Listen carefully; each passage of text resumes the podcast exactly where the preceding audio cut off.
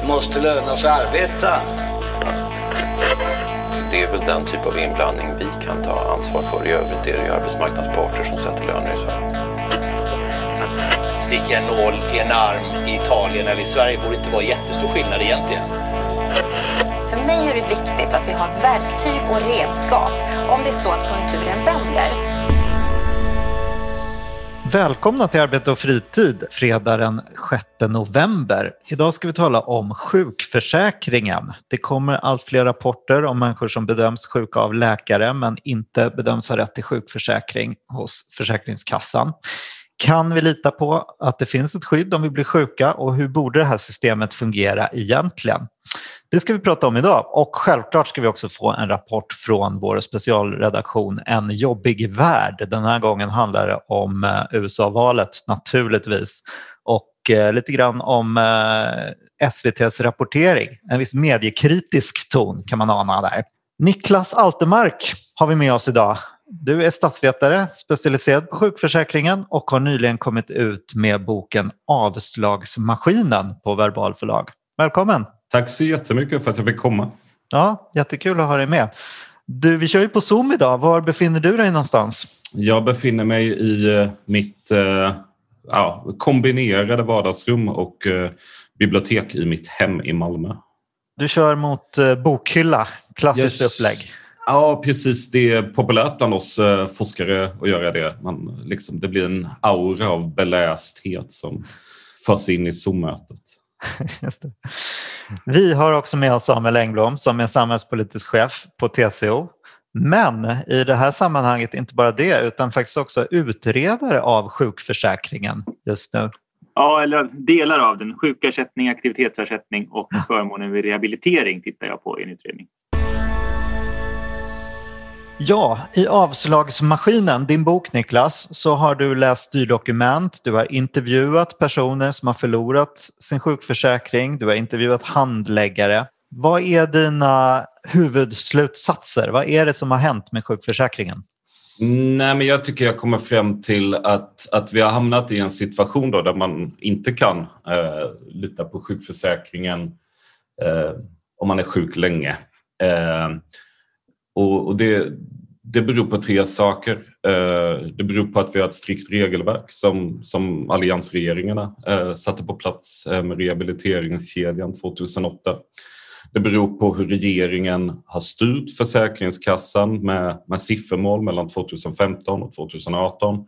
Eh, och det har att göra med vad som händer på Försäkringskassan när man ska svara på den här styrningen och, och, hur man har kommit på myndigheten att se på rätten till ersättning. Vad är din bild Samuel, när du har läst boken?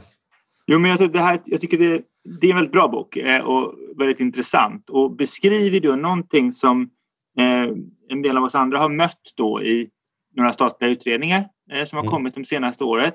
Men du påbörjade ju ditt arbete innan det här och mm. det ger då just intervjuerna som är gjorda eh, både med handläggare på Försäkringskassan men också med människor som, som har sökt och, och nekats då, eh, sjukpenning ger ju väldigt mycket extra information. Och det ger ju information också utifrån individens perspektiv som jag tycker är, är, är väldigt spännande för att man ska förstå vad det här egentligen eh, handlar om. Sen vet jag att det är klart att det finns så detaljer som säkerligen kommer diskuteras. Det kan vara så att Försäkringskassan ibland har en annan bild av vad som har hänt eller att, att ansvariga politiker har en annan bild av vad som har hänt och vilken ordning saker har hänt. Men jag tycker att det är väldigt intressant och väldigt värt att läsa om man är intresserad av sjukförsäkringen. Verkligen, för det som du beskriver är vad händer när man blir sjuk, tänker jag, och kommer till Försäkringskassan. Men då så uppstår ju inte problemet för de allra flesta att de inte blir godkända utan 95 procent av när man blir bedömd av en läkare och sjuk så får man sjukförsäkring. Utan det problem som vi ser nu som diskuteras det är ofta då den här gränsen 180 dagar eh, när man då ska bedömas på nytt om man har rätt till sjukförsäkring. Man har blivit sjuk under en längre tid. Vad är det som händer då? Niklas? Nej, men det som händer då, regelverket är konstruerat så att, så att bedömningarna blir, eh, bedömningsgrunderna förändras efter 90 dagar, efter 180 dagar. Eh, Och, och det blir stegvis då svårare att få ersättning.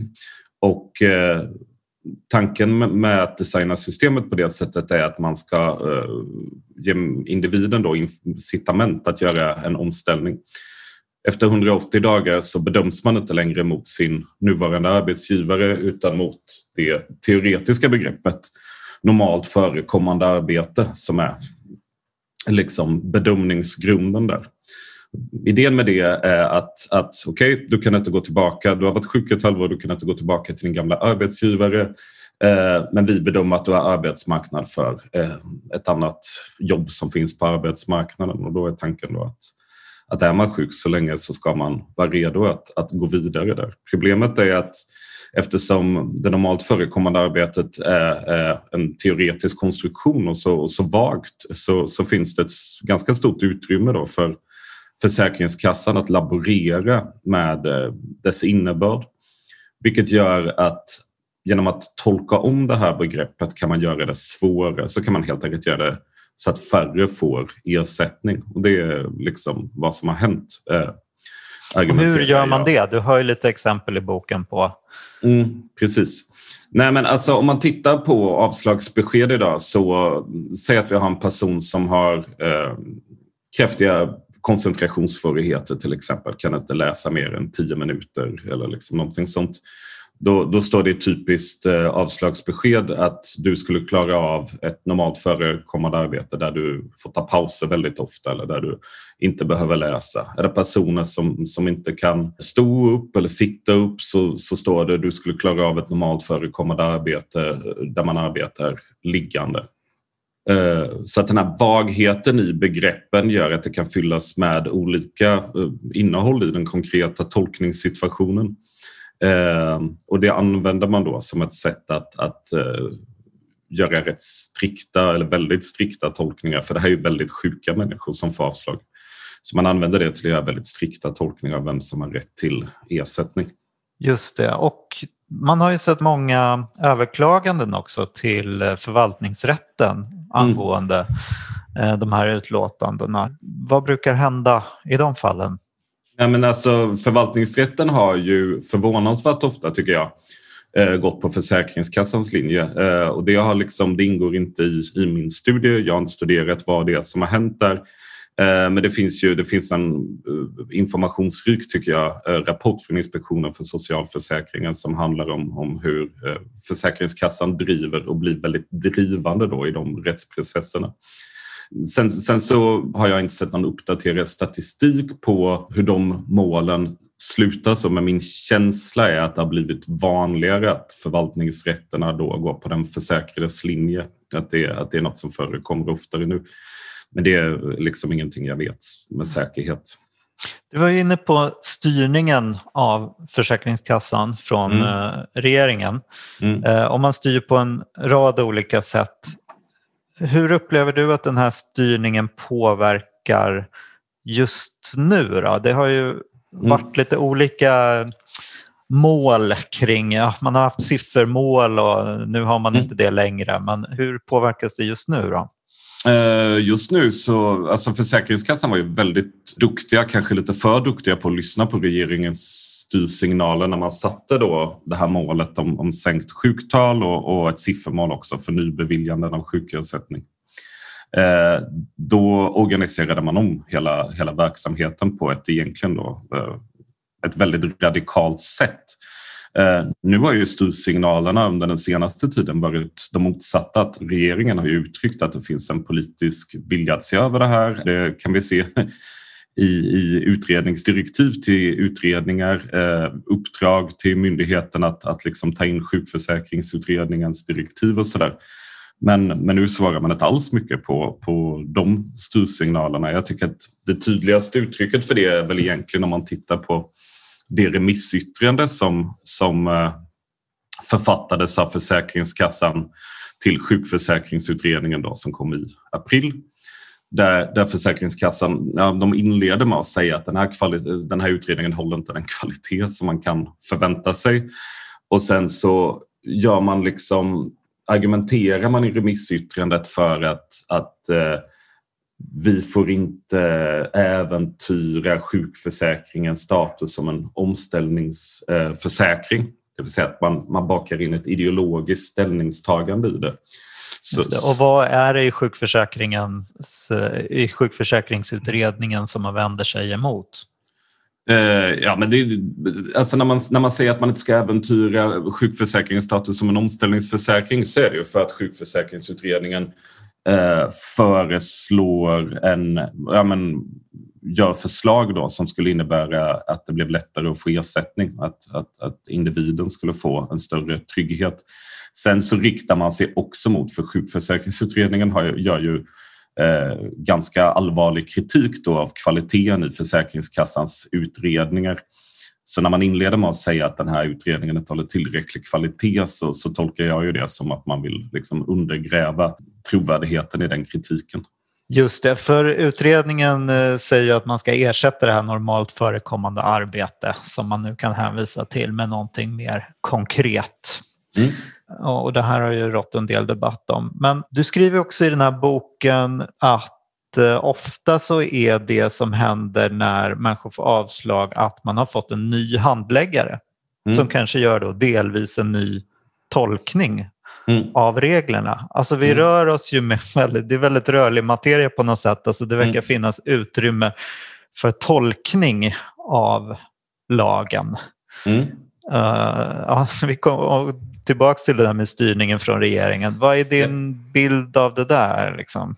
Eh, min bild av det, alltså så, så är det ju med lagstiftningar, att, att de är aldrig så tydligt formulerade så att, så att det är helt givet hur de ska tolkas i varje eh, liksom, situation. Så, utan det, det är liksom ett, ett i då, förvaltningsforskningen som är mitt forskningsfält ett, ett vedertaget faktum att det förhåller sig på det sättet. Och sen så kan man väl då säga att Försäkringskassans styrning har gått ut på att minska handlingsutrymmet för den enskilde handläggaren att, att, att sätta upp striktare regler för hur rätten till ersättning ska bedömas eh, och det har man gjort utifrån en föreställning då om att rättssäkerheten ökar, för rättssäkerhet är samma sak som lika bedömning i Försäkringskassans värld.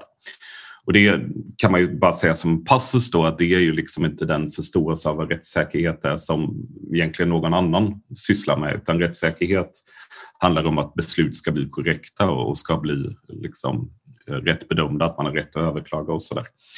Ehm, Men hänger det inte ihop då? Att det är lika för alla och att Absolut. det är korrekt bedömning? Absolut. Eh, Likabedömning är ju en viktig komponent av vad rättssäkerhet är för någonting. Mitt argument här är att Försäkringskassan har styrt mot likabedömning på ett sådant sätt att det har gått ut över det som vi kallar för den materiella rättssäkerheten, det vill säga att de faktiska besluten är korrekta så som lagstiftningen ser ut och så som riksdagsmajoritetens intentioner med lagstiftningen såg ut. Eh, så att det är liksom såklart bra ur ett likabedömningsperspektiv att man ställer väldigt strikta krav på att det ska finnas undersökningsfynd för att man ska ge rätt till ersättning. Det är ett sånt konkret kriterie som är enkelt för handläggare att, att tillämpa. Problemet bara är att det saknar grund i lagstiftningen. Så att eh, eh, jag menar ju att det är då ett exempel på en, en åtgärd som sannolikt har ökat lika-bedömningen. Det vill säga att det inte spelar så stor roll vilken handläggare som har handlagt ens ärende. Men som å andra sidan leder till beslut som inte är materiellt korrekta. Så du menar att vi, rättssäkerheten brister idag helt enkelt för individen? ja, det menar jag. Jag, jag menar att, att rättssäkerheten egentligen tvärt emot då, bilden som Försäkringskassan kommunicerar så har rättssäkerheten minskat eftersom kopplingen till lagstiftningen har blivit väldigt mycket svagare. Samuel, rättssäkerheten i sjukförsäkringen, hur bedömer du den? Jag ska inte, jag ska inte säga om den är god eller dålig, men jag menar, vi har ju också läst den utredning som kommit om sjukpenningen som, som, som Niklas pratade om och i vårt remissvar så, så är vi ju väldigt positivt inställda både till deras analyser och förslag. Eh, och de pekar ju, tar ju upp flera av de här bristerna som, som Niklas nämner i sin bok också kring, kring eh, handläggningen och är ju väldigt kritiska till hur Försäkringskassan hanterar eh, den här typen av ärenden. Som jurist då så tycker jag att den här typen av regelverk är ju ganska intressanta. Eh, jag skulle säga att det är skillnad på olika typer av regelverk. Här har vi ju ett regelverk som är mer svårt att konstruera därför att det ska ju då inte tillämpas kanske av en domstol i sista instans enbart utan det ska tillämpas av handläggare, många tusen handläggare som ska hantera många ärenden, eh, ofta kanske flera ärenden om dagen. Då är det klart att då kommer man alltid hamna i en situation där den myndigheten då som har det här ansvaret behöver, utfor de behöver utforma olika typer av interna instruktioner, eh, eh, liksom råd till de som ska tillämpa reglerna. Och det är klart att de får ett, ett väldigt starkt genomslag i hur man sen gör. Därför att det är instruktioner som hamnar väldigt nära eh, handläggaren. Så jag tror att man kan inte kritisera eh, Försäkringskassan för att man tar fram den typen av, av, av handledningar. Det upplever jag inte att du gör heller Niklas. Mm. Men det är nödvändigt. Men det är klart att det, det som har blivit uppenbart är ju betydelsen som de får. Det är en sak. Sen är det det här med, med det handlingsutrymme som en enskild handläggare har i, i sådana här ärenden. Och då kan man säga å ena sidan så vill vi då av rättssäkerhetssynpunkt att det utrymmet inte ska vara för stort. Därför att det ska inte bero, alltså, hur ditt ärende bedöms ska inte bero på vilken handläggare du hamnar. Om det å andra sidan inte finns så mycket utrymme då kommer regelverket upplevas som stelbent. Och om vi tar då till exempel sjukpenningen som exempel så är det ju människor som kommer in med ganska olika livssituationer, olika typer av diagnoser. Man har, man liksom, arbetsförmågan är nedsatt på olika sätt och då krävs att det finns en, en flexibilitet i, i regelverket. Du kan inte, du kan inte gå in och, och i, eh, i lagstiftningen eller ens i förarbetena reglera upp varje enskild situation som kan uppstå. Utan det måste finnas ett utrymme för myndigheten och för den enskilda handläggaren att bedöma ärenden. Men det gör ju då samtidigt att det finns en känslighet för styrsignaler, för sådana här olika råd som utformas. Eh, det kan också handla om liksom att individen känner att min... Eh, alltså, man kan ju ha mål på gruppnivå till exempel eller på individnivå. Vi har i Sverige ett system med väldigt individuella löner på ett sätt som man inte har i den offentliga förvaltningen på många andra håll. Det har fördelar men kan också innebära att vi behöver tänka efter extra mycket när vi liksom utformar den här typen av regler och försöker implementera den här typen av regler. För att känsligheten för styrsignaler från, från din chef och från chefens chef och från chefens chefs chef kan liksom bli, vara större. Niklas, du menar att det finns något lite motsägande kanske i hur man gör de här bedömningarna, att man tittar efter olika typer av eh, symptom mm. hos de som söker. Och det har ju ofta varit en eh, återkommande historia hur läkare är förbannade att Försäkringskassan mm. överprövar deras mm. Eh, utlåtanden. Berätta lite om det där. Ja, men det kan jag, alltså, innebörden av det är ju då, alltså för det första så, så tror jag att det där handlar ju om att, om att många läkare upplever att deras liksom, profession ifrågasätts.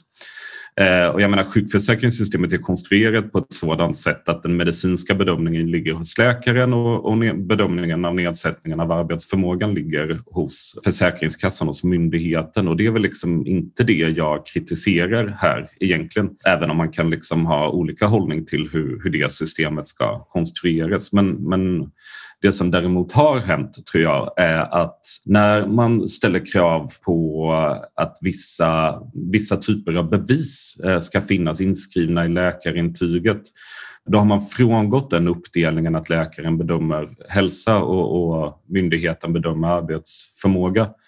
Eh, för att det som händer då är ju att Försäkringskassan gör en värdering av de bevis som eh, läkaren anför. Och det liksom upplevs av, av läkare liksom som, som oerhört svårt, oerhört jobbigt och, och sådär. Och jag tror också att det handlar inte bara om sårad läkarstolthet här, eh, så, utan det handlar ju såklart också om att läkare hamnar i situationer där de ser att här har jag att göra med en patient som inte har, alltså som inte, det kommer vara menligt för den här personens hälsa att eh, arbeta heltid. Men jag upplever inte att jag kan, och det spelar ingen roll vad jag gör, så kan jag inte skriva ett läkarintyg som, som kommer ge rätt till ersättning. Mm. Det slog mig nu, är sjukpenningsbedömningar någonting som skulle kunna bli algoritmstyrt mm. framöver? Alltså man har ju sett hur ekonomiskt bistånd till exempel idag sköts av algoritmer. Skulle det gå och skulle det vara välkommet eller ovälkommet? Mm, jag, jag tror så här, alltså det, jag vet för lite om, om vad algoritmer och AI klarar av och inte klarar av så jag tänker, att, jag tänker ducka den frågan men det belyser något intressant här som har att göra med det Samuel snackade om, bedömningsutrymmet. Det är klart, har vi en strävan efter att bedömningsutrymmet ska vara så litet som möjligt för att vi, vi har en sån uppfattning om vad rättssäkerhet är för någonting eh, så är det klart att det kan framstå som någon typ av ideal och det där kan man ju höra i intervjuer med handläggare också att, att vissa av dem Eh, ja, ganska många av dem betraktar ju liksom eh, handläggarens egen subjektiva uppfattning som problematisk för att det eh, riskerar då att snedvrida den här objektiva bedömningen som man, som man strävar efter. Ja, men då är det väl skitbra med en, en dator som gör det istället. Samtidigt så finns det ju bland oss förvaltningsforskare så finns det ju en stark tilltro ofta till Eh, den professionella bedömningen som är erfarenhetsbaserad, som är grundad i en professionsidentitet som också har inslag av eh, etik och som vi tänker oss är någonting som, som kanske särskilt offentliganställda är bärare utav. Och det är ju liksom också det, jag var med i Tillitsdelegationens forskargrupp och, och, och liksom var med och arbetade fram då en ideal om tillitsbaserad styrning. Och där är istället idealet att vi ska lita på professionen, att vi ska lita på deras förmåga att göra kvalitativa professionella bedömningar. Och har man det perspektivet så framstår ju liksom datorbaserade sjukpenningbedömningar som absurt. Mm. Samuel, vad säger du? Jo, men alltså jag tror att det är helt klart så att det här är en typ av beslut där man kommer få mer och mer avancerade beslutsstöd. Mm. Eh, vi kan ju se det inom arbetsmarknadspolitiken så använder man ju algoritmer för att försöka göra en bedömning av risken att någon blir långtidsarbetslös. Därför att det är en väldigt viktig bedömning. Och då tittar man på olika bakgrundsfaktorer för den här personen. Och det är ju inte orimligt att tänka sig att man gör samma sak inom sjukförsäkringen. Och det kan ju till och med finnas vissa poänger med det om man tänker sig att det här är ett beslutsstöd. Det här är ett sätt att försöka fånga upp signaler tydligt på att någon kan bli långtidsarbetslös till exempel. Så det kan jag tänka mig. Eh, eh, I det här fallet med sjukpenning så ska man ju i praktiken bedöma om de här medicinska eh, för det ska ju då vara en, en arbetsförmåga som är nedsatt av medicinska skäl som gör att du liksom inte kan försörja dig genom arbete. Det är egentligen det som, som det handlar om. Och då kan man också tänka sig att man har en algoritm som hjälper till med ett bedömningsunderlag som tittar på vad, vad säger då den statistik vi har om en individ av den här sortens chanser som uppvisar samma karaktäristika. Det som blir farligt är väl om det där blir hela processen. Om det sen bara människans uppgift blir att, att stämpla den där bara. Och där finns det ju forskning från arbetsmarknadspolitiska området som säger att det bästa det är när människa och maskin jobbar ihop. Eh, det, går inte, det, det är då du får den, den, liksom det, det, det, bästa resultatet på de här då förutsägelserna. Men då finns det ju alltid den risken då hur styrande blir algoritmen. Om den spottar ur sig en rekommendation, vilket krav ställs då för att människan ska liksom komma till en annan slutsats. Så då får du en annan sån här, ett annat då problem i den. Dels som jag säger att algoritmen är snålställd så att den eh, eh, kommer finna att alla har arbetsförmåga någonstans. Va? Det för ju över då bevisbördan kanske på den mänskliga handläggaren ännu mer. Att så här, visa motsatsen och, och vara beredd att ta liksom, den fighten. Så att, jag tror att ska man införa sånt så måste man ju vara väldigt noggrann med hur de här och ständigt följa upp hur de här algoritmerna fungerar. Eh, för det är ju en annan då sån här sak som skulle kunna, när, liksom när Niklas skriver en uppföljare till den här boken, då kanske det visar sig att då är det inte, alltså, för här du pekar till exempel på just såna här rättsliga eh, kvalitetsuppföljningar och sånt som, som, som eh, och, och, eh, domsnitt och annat internt på Arbetsförmedlingen, den typen av dokument och menar då att det har påverkat handlingen. Då kan det vara så här, men här, här skruvar de med algoritmen. Ja? Här bytte de IT-leverantör. Nej, men, det är den typen. Och det, det, det, det ska man ju undvika om det mm. går. Det får den typen av effekter. Samuel, berätta lite om din eh, utredning. Vad handlar den om? Ja, så här. Man kan säga, Niklas bok handlar ju om sjukpenningen. Eh, det vill säga, det är det här om, om du och jag blir... blir om vi säger att jag idag, imorgon måste sjukskriva mig, då får jag sjukpenning. Ja. Eh, det som jag utreder då i min utredning Eh, eller den delen som är relevant i det här sammanhanget, det är sjukersättningen och aktivitetsersättningen. Och då kan man säga att sjukersättningen är det som förr i tiden, när vi går långt tillbaka, brukade benämnas förtidspension. Sen kan man väl säga att förtidspension hade också delvis annat syfte. Så jag gillar inte riktigt att säga att det är det som tidigare hette förtidspension. Men om man, människor ska placera in det någonstans i sitt medvetande så är det ofta en ganska bra beskrivning. Eh, så sjukersättningen det är alltså en, Eh, en förmån som ska kompensera för ett inkomstbortfall som beror på att man av, på grund av medicinsk eh, grundad ohälsa har en, då, har liksom bestående nedsatt arbetsförmåga, eh, helt eller delvis. Eh, så man ska ha en arbetsförmåga som är nedsatt med minst en fjärdedel på grund av sjukdom och det här ska bedömas vara varaktig. Den ska finnas kvar under all överskådlig framtid och eh, det behöver inte vara livslångt eller fram till pension, men det ska vara det är, något, det är någonting som är mer än kortvarigt, utan det är en stadigvarande nedsättning. Och eh, dessutom så ska man då också göra bedömningen att möjligheterna till rehabilitering är uttömda eller att de att inte skulle liksom, eh, de skulle inte kunna leda till någonting, rehabiliteringen. Eh, så det är ju liksom en, en förmån som kommer efter sjukpenning. När du har, har haft sjukpenning länge, du har varit sjukskriven länge, då kan Försäkringskassan antingen vilja, välja liksom att föra över dig i sjukersättning eller så kan du själv ansöka om sjukersättning. Sen finns det ju andra som ansöker om sjukersättning också. Vi ska komma ihåg att de som finns hos Försäkringskassan är ju en delmängd av dem som inte arbetar eller inte kan arbeta på grund av sjukdom. Många finns ju också hos kommunerna och det här uppmärksammades bland annat i ett, i ett reportage härom, häromdagen i tidningen Arbetet. Var det väl. Så där, de kan ju också ansöka om sjukersättning. Sen finns det aktivitetsersättningar och då kan man säga att det är sjukersättning för unga, 19 till eh, 29-åringar. Och som namnet antyder så är ju tanken där att det också ska finnas aktiviteter, vilket det långt ifrån alltid gör, som ska hjälpa till med återgång i, i arbete. Så man kan säga att sjukersättningen skiljer sig från till exempel sjukpenningen och även från aktivitetsersättningen. Att där finns ju inte perspektivet att den här personen ska tillbaka till arbete. Och det är ju en stor skillnad då.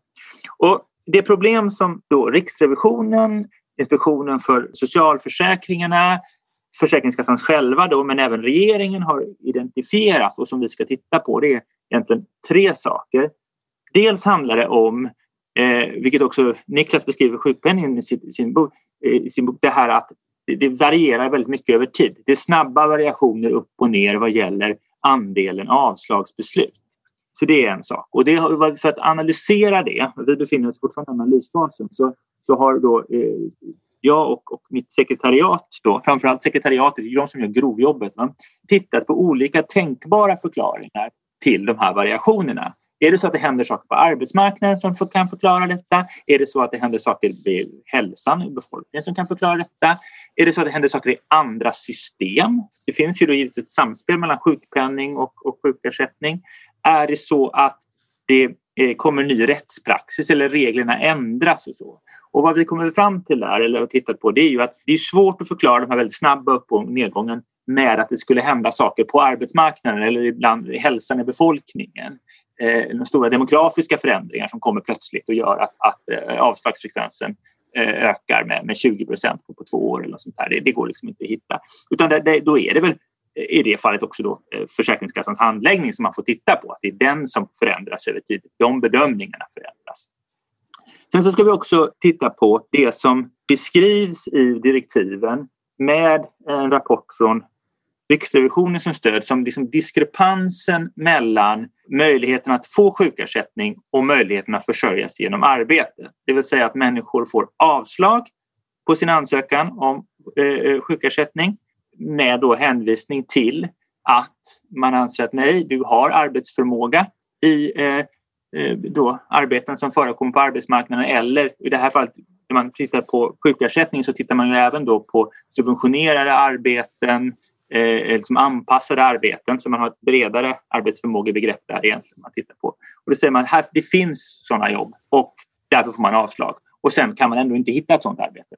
Och Riksrevisionen har då kommit fram till att de här som får avslag, tittar man på vad som händer med dem sen så, så blir de sjukare. De är alltså oftare på sjukhus, de får sämre inkomster och så. Och det är ju ett tecken på att det här var kanske människor som inte skulle ha avslag. Så det är den här diskrepansen mellan möjligheten att få sjukersättning och möjligheten att försörja sig. Så den ska, och den ska ju vi då försöka minska den diskrepansen. Och sen har vi ett, ett del av uppdraget som särskilt handlar om äldre ålder är ingenting som man väger in när man gör den här bedömningen. Alltså bedömningen av om du har rätt till sjukersättning av din arbetsförmåga, den handlar om... Ja, den ska ju liksom, den ska vara medicinsk. Ja? Så att man ska inte väga in ålder, förhållanden på arbetsmarknaden, alltså nivån på arbetslösheten eh, i riket eller lokalt ska inte vägas in. Var man bor ska inte vägas in. Så sådana faktorer får man inte ta hänsyn till. Eh, och det kan ju då göra att personer som befinner sig ganska nära ändå att gå i pension får avslag på en ansökan om sjukersättning. Och trots att till exempel en rehabilitering som man tänker sig kanske inte skulle vara avslutad förrän efter att man skulle ha gått i pension. Det finns ett sådant rättsfall som, som jag tror jag är en del av bakgrunden till våran, våra direktiv. Eh, och eh, vi har ju också en situation där pensionsåldrarna kommer... Alltså vi räknar ju upp åldersgränserna i pensionssystemet successivt, kommer vi att göra. På alla äldre så blir man friskare och man kan jobba längre och fler jobbar längre. Men det finns också en grupp som inte kommer att kunna klara att jobba så länge. Säg att de då skulle nekas sjukersättning och därför ta pension så tidigt som möjligt, då kommer de få ganska låga pensioner. Därför att det är en effekt om du går i pension tidigt. Eller så kan du hamna hos kommunerna och, och, och, och försörjningsstöd, vilket har en massa andra negativa konsekvenser. Ni vet, kanske måste sälja bil och hus och sådana här saker. Så det ska vi då också titta på, framför allt, eller särskilt på de, eh, på de äldre. Och ni ska föreslå där hur man skulle kunna lösa? Ja, vi ska titta på eh, eh, arbetsförmågebegreppet, på varaktighetsbegreppet, på beviskrav och särskilt på situationen för äldre. Så vi kan inte ändra om systemet i grunden men vi har mandat att föreslå förändringar i ganska många av beståndsdelarna i systemet inklusive de beståndsdelar som när det gäller sjukpenningen som Niklas pekar på i sin bok och som även då Claes Jansson har tagit upp i sin utredning, alltså den här SOU 2000 20 kolon 6 som också refereras till i din, i din bok. Och man kan väl säga att vår utredning är ju en, en, ett led i samma tankar att se över de här systemen som jag tycker är ganska tydligt att, att regeringen har. Jag tycker att utredningsdirektiven för, för din utredning Samuel är bra. Jag tror att, att när man tittar på dem, när man ser den intention som uttrycks där och man, man liksom hör dig berätta om hur du ser på ditt uppdrag så tror jag ju liksom att, att det där adresserar ett problem som är, som är liksom centralt och viktigt som också har följdverkningar på sjukpenningen som jag har tittat på. Och sen en extra aspekt som också relaterar till till situationen på landets kommuner, eh, det är ju att när man pratar med kommunerna så, så, finns det ju där en stark övertygelse om att det är maskorna i sjukersättningsnätet som är liksom det stora problemet. De, jag har pratat liksom med, med, med människor som arbetar inom ekonomiskt bistånd och som berättar att ja, men vi har en situation idag där det är så pass svårt att få sjukersättning så att vi måste i princip försöka designa liksom kommunala insatser eller åtgärder där vi då prövar människors arbetsförmåga för att det ska hjälpa människor att få sjukersättning. Kommunerna här får ju en lite så här amöba-liknande organisation och ska försöka plocka upp alla bollar som tappas av de statliga socialförsäkringarna. Eh, så jag tror ju också att, att, när det gäller din utredning Samuel så tror jag att det finns ett stort intresse bland landets socialtjänster för vad ni kommer komma fram till och föreslå. Innan vi avslutar med liksom den eh, politiska bilden och vad som kommer hända nu, eh, vad ni tror och vad det finns stöd för och sådär. Vi kan väl säga någonting om just den här arbetets granskning som Samuel nämnde som visar på att det verkar öka ganska snabbt. Nu tror jag att det fanns 22 000 personer då som har läkarintyg på att de är sjuka men som inte har då sjukpenning utan eh, ekonomiskt bistånd.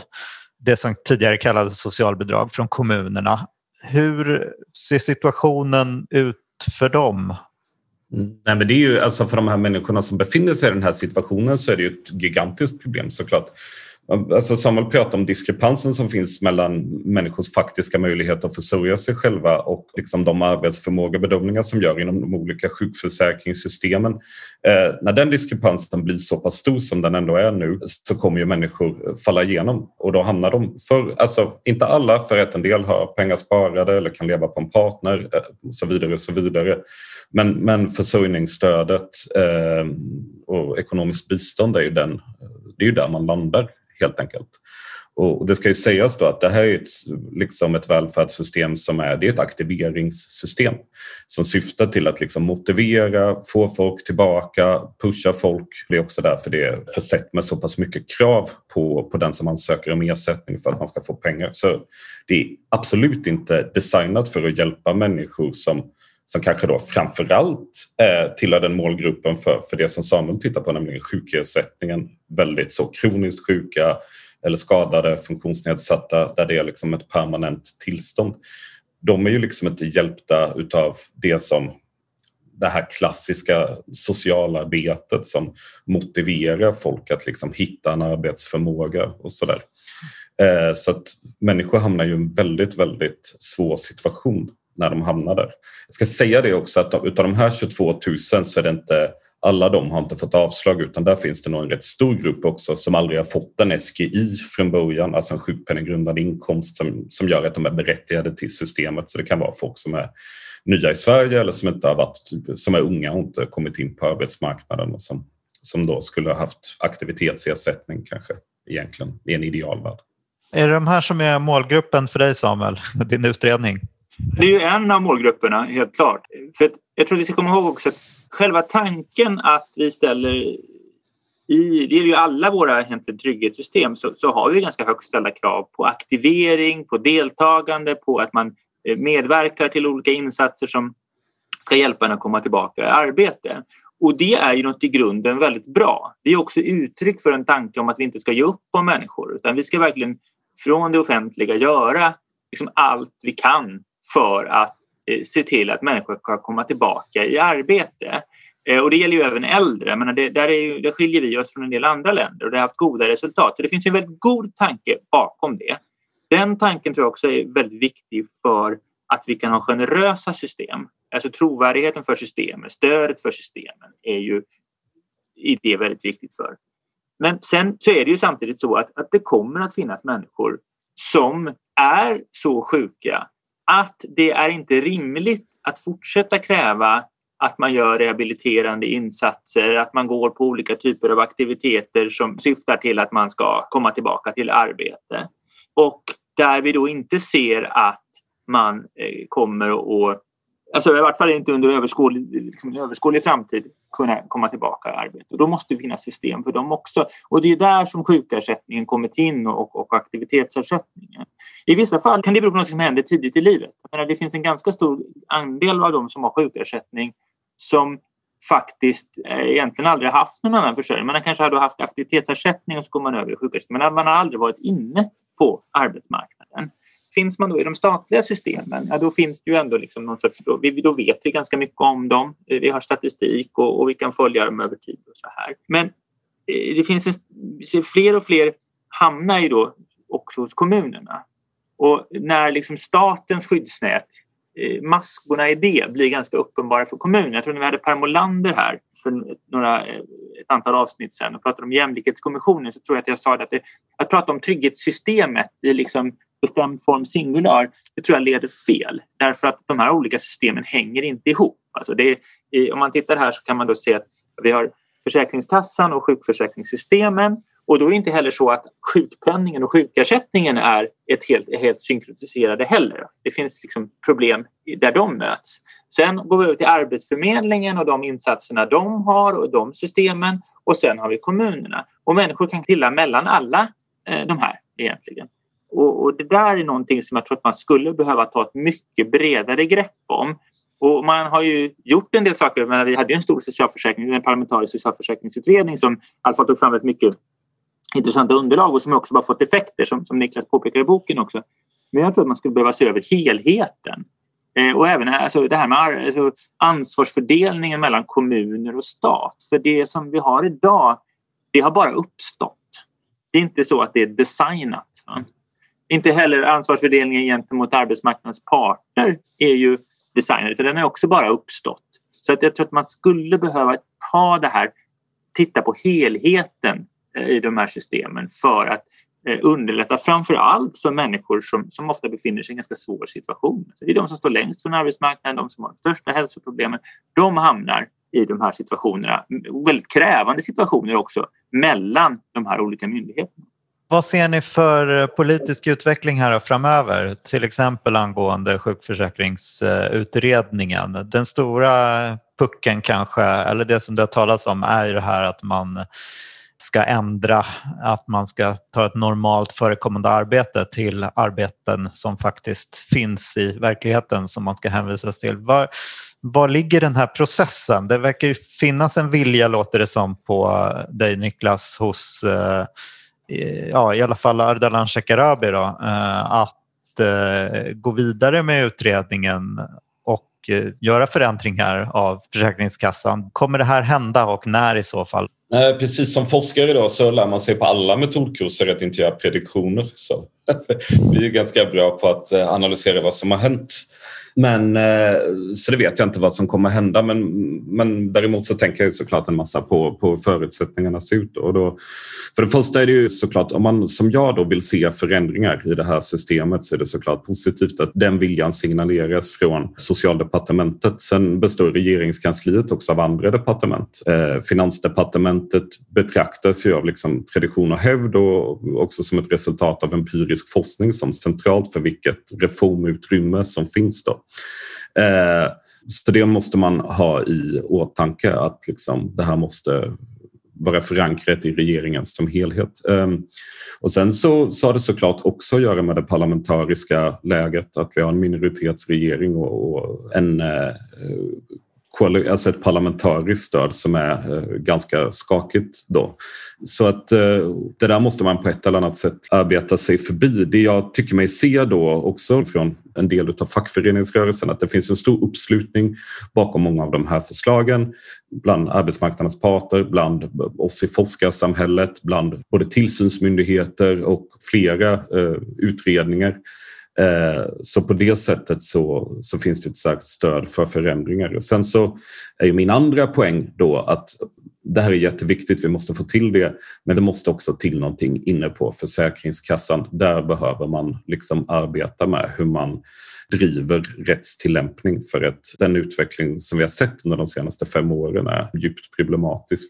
Vi måste ju ha en, rätt, alltså en myndighetsutövning som garanterar att, att lagstiftningens intentioner är vägledande för, för hur människors rätt till ersättning bedöms. Så det är väl de två bitarna jag ser. Jag hoppas på lagändringar men det, jag vill inte glömma Försäkringskassans roll i detta och behovet av förändringar inne på myndigheten.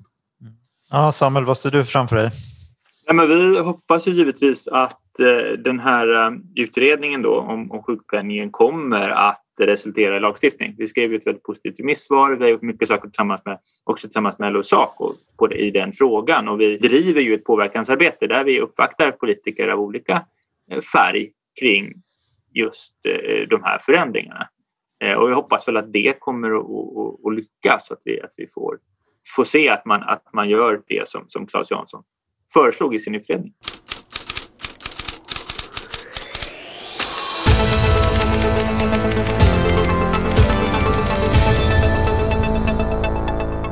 Rapport från en jobbig värld. Och då är det så här, jag ska läsa den här gången för Lars Berge som skriver de här texterna som brukar läsa, han har haft någon tandoperation så han kan inte läsa. Mm. SVT söker USA-experter. Det slutgiltiga resultatet i det amerikanska presidentvalet drar ut på tiden. Väntan har lett till en akut brist på expertkommentatorer med kunskaper om USAs politik och samhällsliv. Vi betade av Mattias Karlsson, Anna Anka och Peg Parnevik redan under de första 24 timmarna och nu väntar av allt att döma en omräkning av rösterna. Därför är vi i desperat behov av att få in fler experter på USA, säger en redaktör på SVT Nyheter som föredrar att vara anonym. Ja, vad säger ni? Har ni följt SVT-rapporteringen? Alltså jag tittar ju äh, nästan inte på TV. Jag ser Lilla Aktuellt. Äh, dels för att barnen vill se det, dels för att de ofta har de bästa och tydligaste nyhetsvinklarna och det, det är liksom, jag tror att de uppfyller public service-uppdraget på bästa sätt. Men, eh, så jag har faktiskt inte sett något av det som SVT har gjort i övrigt ska jag erkänna. För det första, eh, jag är statsvetare. Eh, vet, det finns ju fortfarande några av oss som inte har kommenterat eh, valet på något sätt. Men som statsvetare så ingår det liksom i uppdragsbeskrivningen, eller snarare det ingår i socialiseringsprocessen att man börjar följa massa, massa statsvetarnördar i den amerikanska bloggosfären. Liksom. Eh, så att det är där jag har följt rapporteringen. Men, men eh, jag tycker de borde plocka in någon sportkommentator så, för att så rapporteringen kring det amerikanska valet är väldigt mycket vem vinner, detta är ett spel, detta är spännande. Det skulle bli ganska långsam så rapportering ur ett sportperspektiv, lite så som fem milen när man hade individuell start, man sitter och väntar, inget händer, till slut händer något. Och, Just det, den här kartmannen på CNN, han är väl lite åt det hållet som många har följt. Ja, vad är han heter? Är det King? Är det, ja, jag minns inte. Men man har sugit sig in i den där kartan och hans förmåga att tala som i sporttermer kring alla de här siffrorna. Jag tänker att nu är det juristernas tur. Va? När det har räknats så ska det här gå till domstol. Jag kommer ihåg 2000 hur det var. Ja. Och jag såg att alltså, om Niklas följer mycket amerikanska statsvetare så följer jag ju alldeles för mycket, inte bara amerikanska jurister. Och, men där eh, såg jag att man spred en lista på de mest citerade forskarna i, eh, alltså i, i valrätt då, och då pratar vi inte blåvalar och fiske utan mm. vi pratar då amerikanska val som man då uppmanades att, att, att ringa upp. Och jag såg i listan, många av dem kom från sådana här swing states. De var på University of Wisconsin och sånt här. Jag vet inte om det var en, en, en slump eller inte. Så det blir nästa steg. Så det, det, ser jag fram emot. Eh, de ska börja eh, med de processerna. Det går säkert att hitta någon, någon svensk eh, professor i statsrätt som är beredd att, att sätta sig i en tv-studio och eh, läsa lite från amerikanska hemsidor och formulera en teori. Det är inte bara statsvetarna som kan det. Bra, lite tips där till SVT. Hörni, eh, stort tack för idag. Eh, man ska ju komma ihåg att man ska prenumerera på podden i sin poddspelare så man inte missar några avsnitt. Man ska också prenumerera på Arbetsvärldens nyhetsbrev och varför inte beställa ett ex av Niklas Altemarks bok Avslagsmaskinen. Tack så mycket för idag och vi är tillbaka om två veckor. Lyssna då. Ja. Hej då! Tack så mycket.